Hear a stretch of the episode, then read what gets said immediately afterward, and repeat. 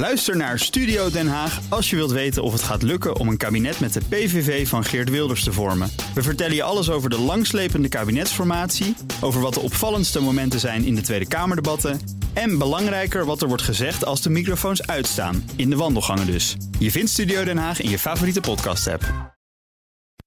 De BNR Techniek Tour wordt mede mogelijk gemaakt door Techniek Nederland. De makers van morgen. BNR Nieuwsradio. De Techniek Tour. Carlijn Meinders. Pakketjes en boodschappen. We bestellen ze steeds vaker van achter de computer en ze moeten steeds sneller op de deurmat liggen. Zeker in de huidige thuiswerktijd. In deze uitzending duiken we de distributiecentra in. Wat moet daar allemaal klaarstaan? Hoe pas je je aan als de vraag ineens verandert? En hoe gaat de logistiek er in de toekomst uitzien? We beginnen met een voor iedereen inmiddels bekende naam: Picnic.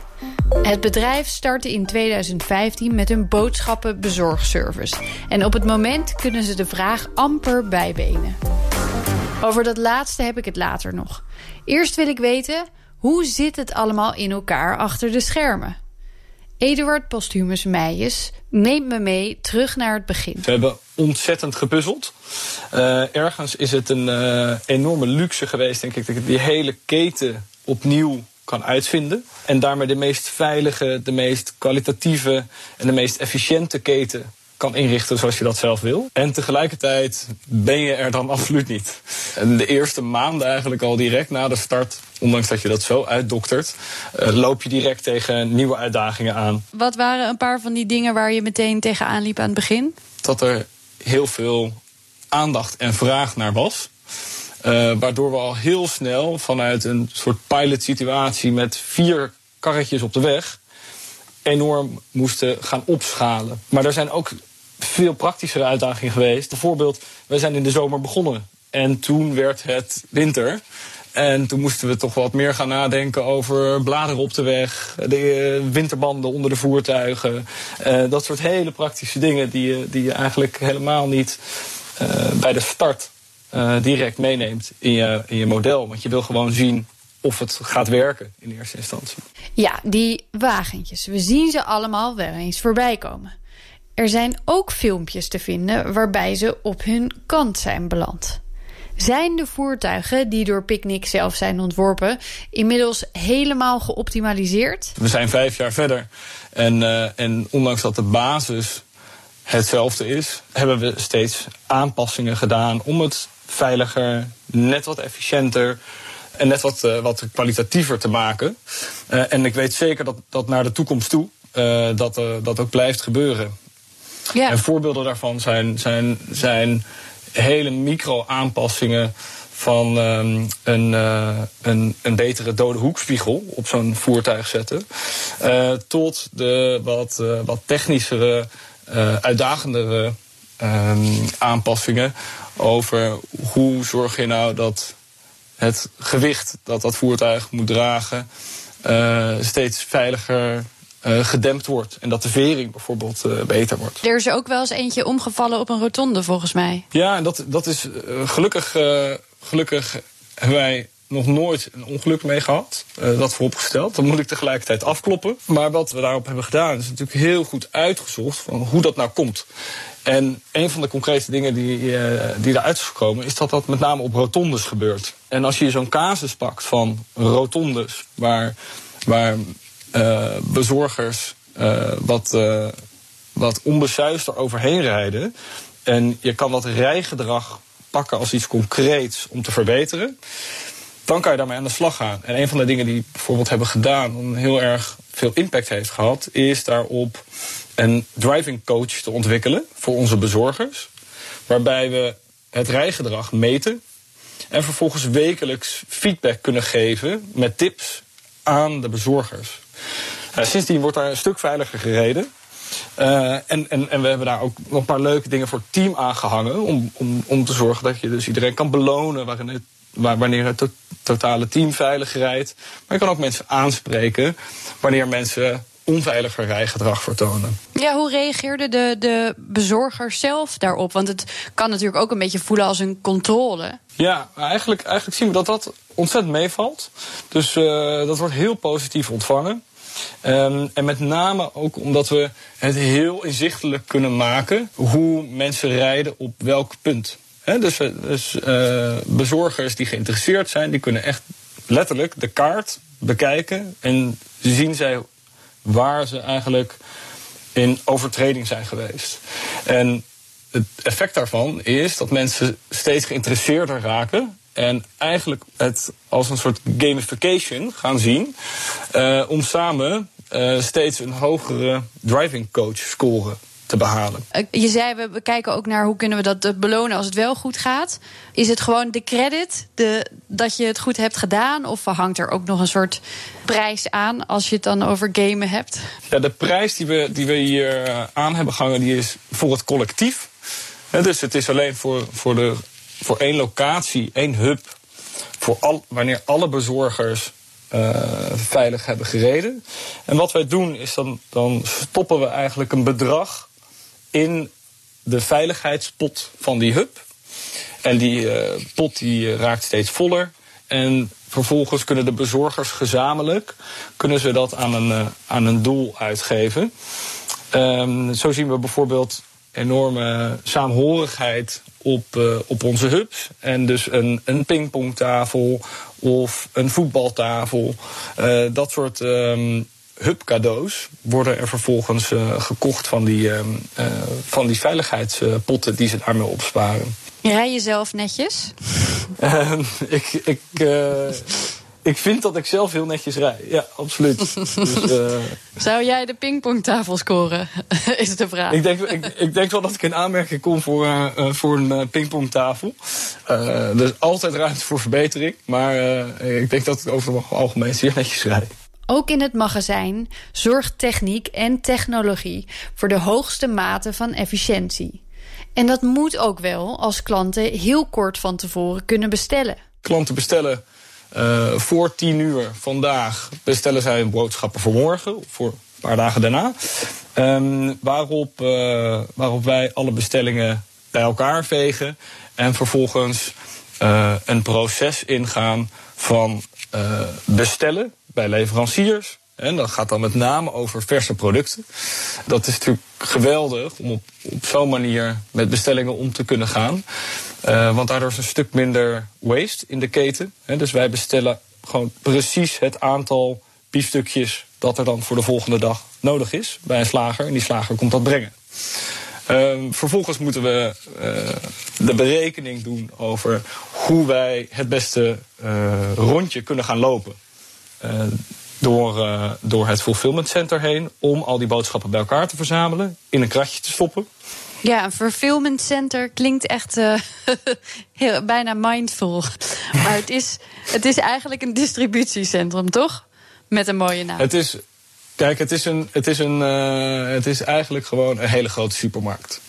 Hè? Dus, dus ja. uh, het is waar heel, ontzettend veel schappen zijn. Uh, alleen het ziet er wat minder fancy, gezellig aangekleed uit. Met name op hoe die schappen zijn ingericht.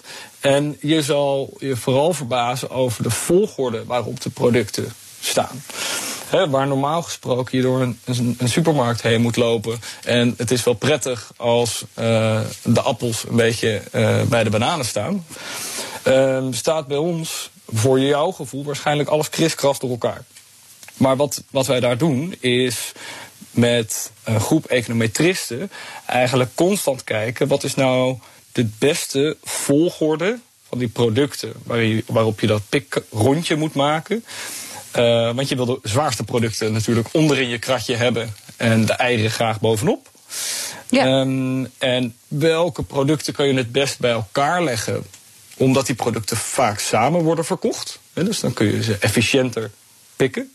En, wel, en het is ook wel prettig als je bijvoorbeeld niet twee doosjes thee die heel erg op elkaar lijken, ook naast elkaar hebt liggen. Want dan, dan is het een stuk foutgevoeliger voor degene die ze moet, uh, moet pikken. Alles wordt dus uitermate nauwkeurig berekend en al die software die daarvoor nodig is, die ontwikkelt Picnic zelf.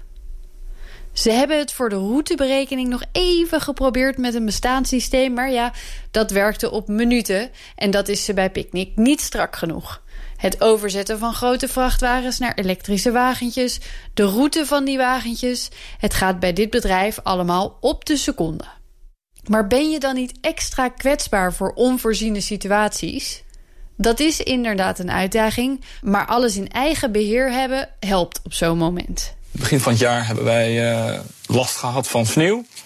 Dan is het een stuk lastiger om te voorspellen hoeveel bestellingen er binnenkomen. He, mensen ja. uh, zijn uh, meer binnen, gaan toch wat liever de boodschappen online doen in plaats van naar de supermarkt.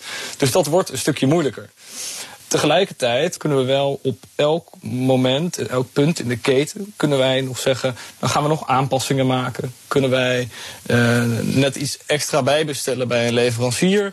Kunnen we uh, in onze routeplanning nog wat zorgen dat we wat extra tijd geven voor de bezorger? Uh, kunnen we nog iets aan de voertuigen doen, zodat het nog veiliger wordt? En dus op, op, omdat het ons heel eigen product is, kun je wel daar nog flexibel in zijn.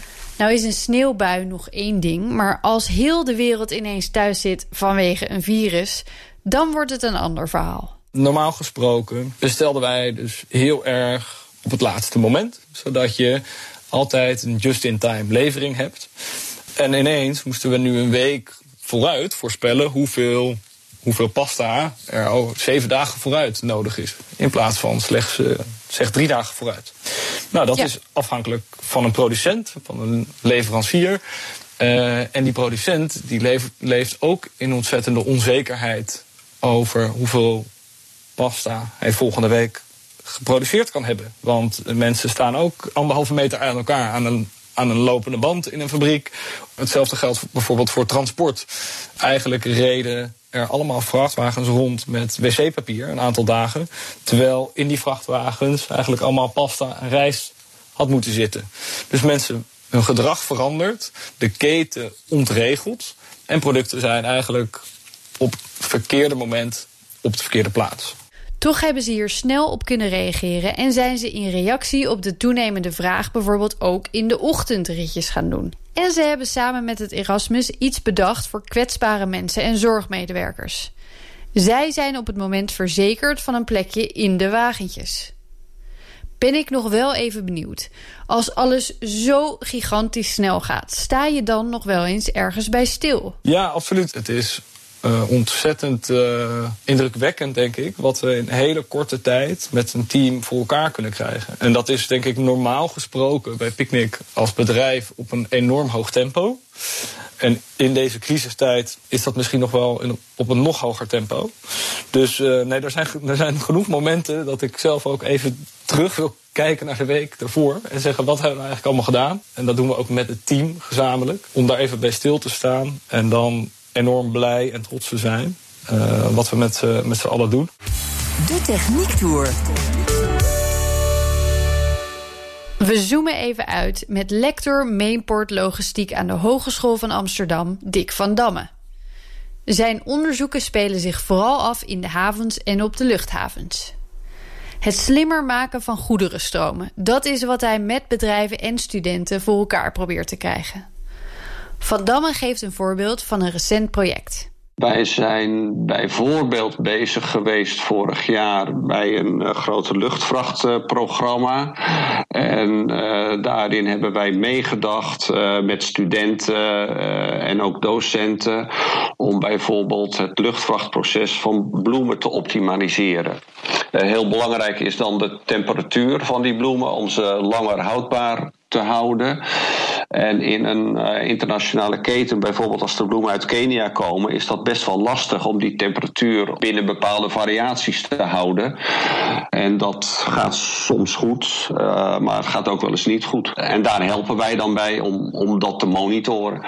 Kijk, het liefste zou je bij wijze van spreken per bosje bloemen of per, per kratje bloemen uh, een sensortje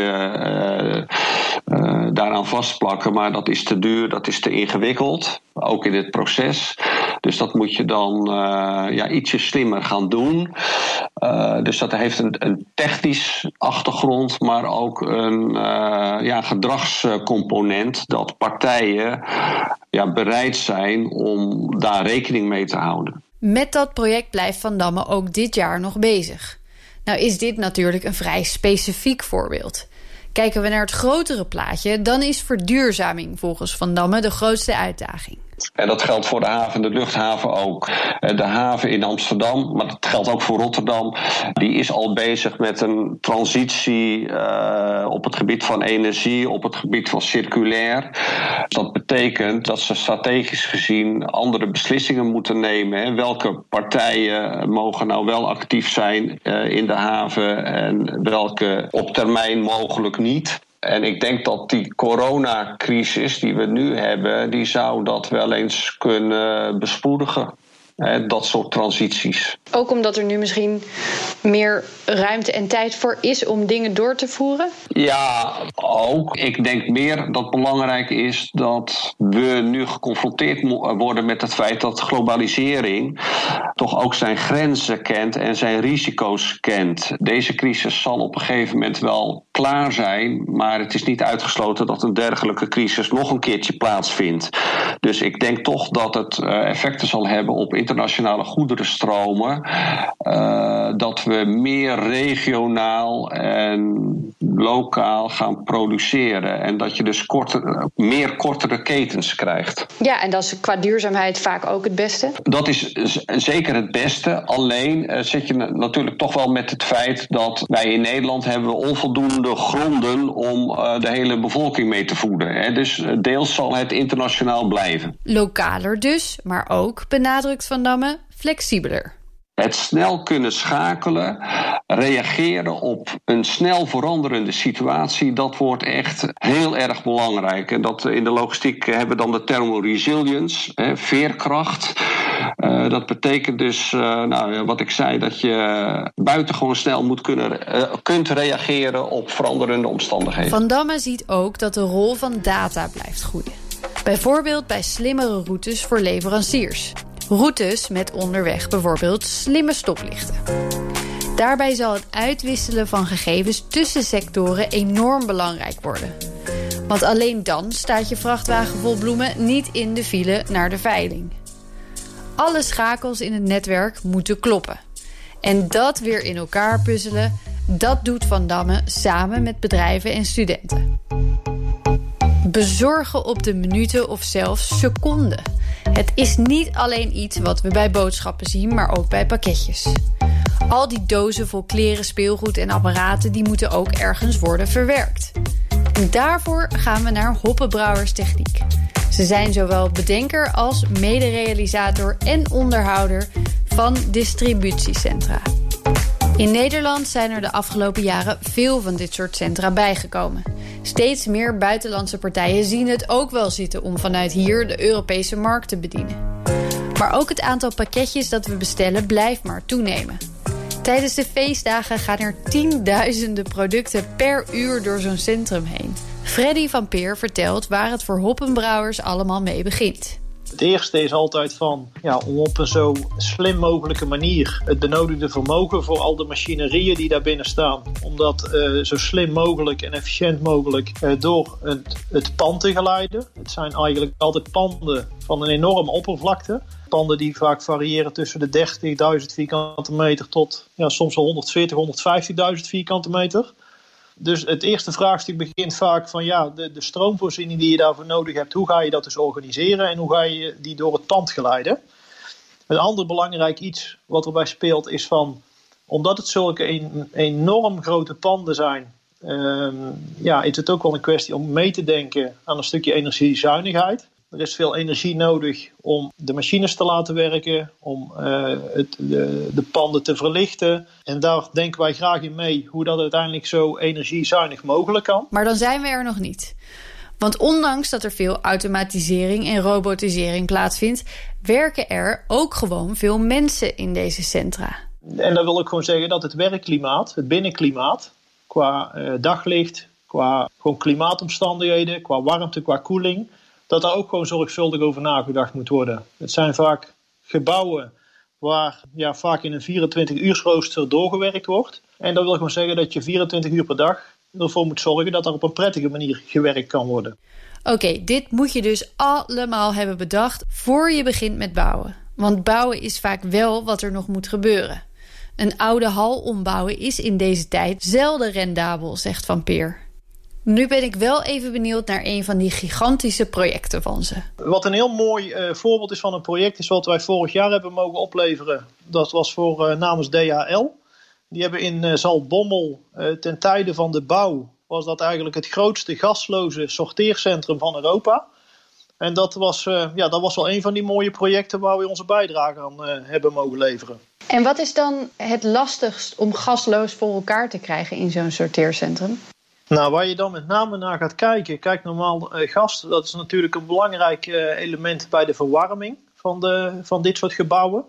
Het zijn gebouwen, wat ik al zei, van een enorme uh, vierkante meter oppervlakte. Vaak ook een, een redelijke hoogte waar je mee te maken hebt. Nou, normaal gebruik je daar gas voor, hè, met, met, met, met, kachels of, of, of heaters.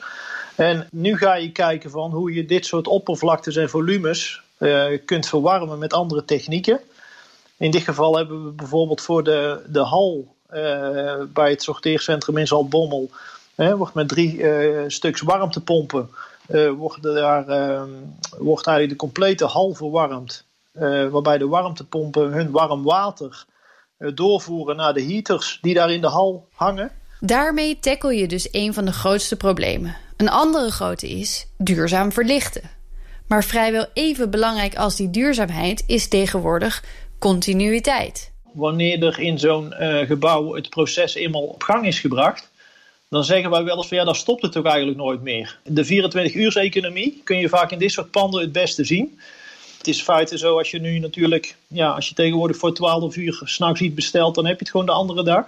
Maar dat wil er ook voor zeggen dat die installaties voor uh, ja, al die 24 uur, uh, dat ze daarop moeten kunnen vertrouwen.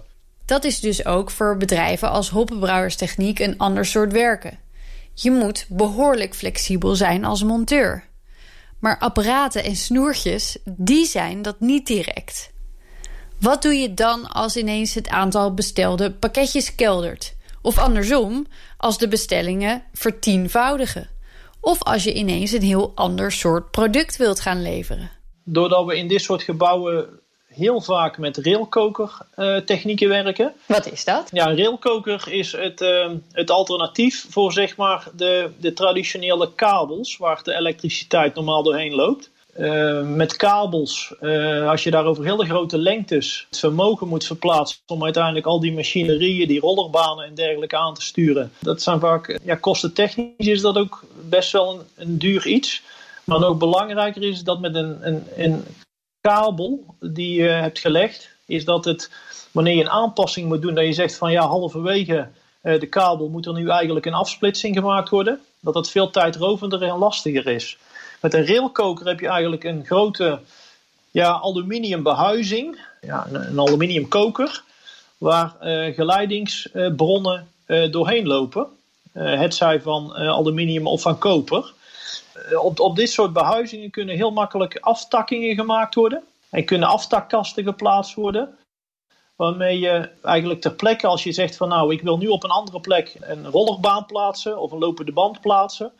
Dat je heel snel uh, de benodigde stroomvoorziening bij die uh, nieuwe machinerieën hebt.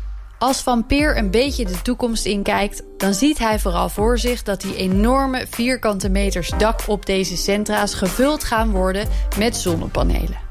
En dat van binnen die panden een stuk prettiger worden om in te werken.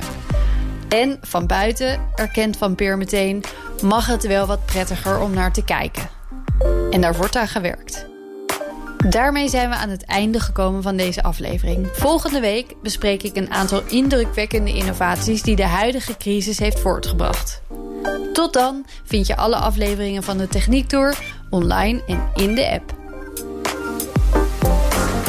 De BNR Techniek Tour wordt mede mogelijk gemaakt door OTIP. Binnenkort wij techniek.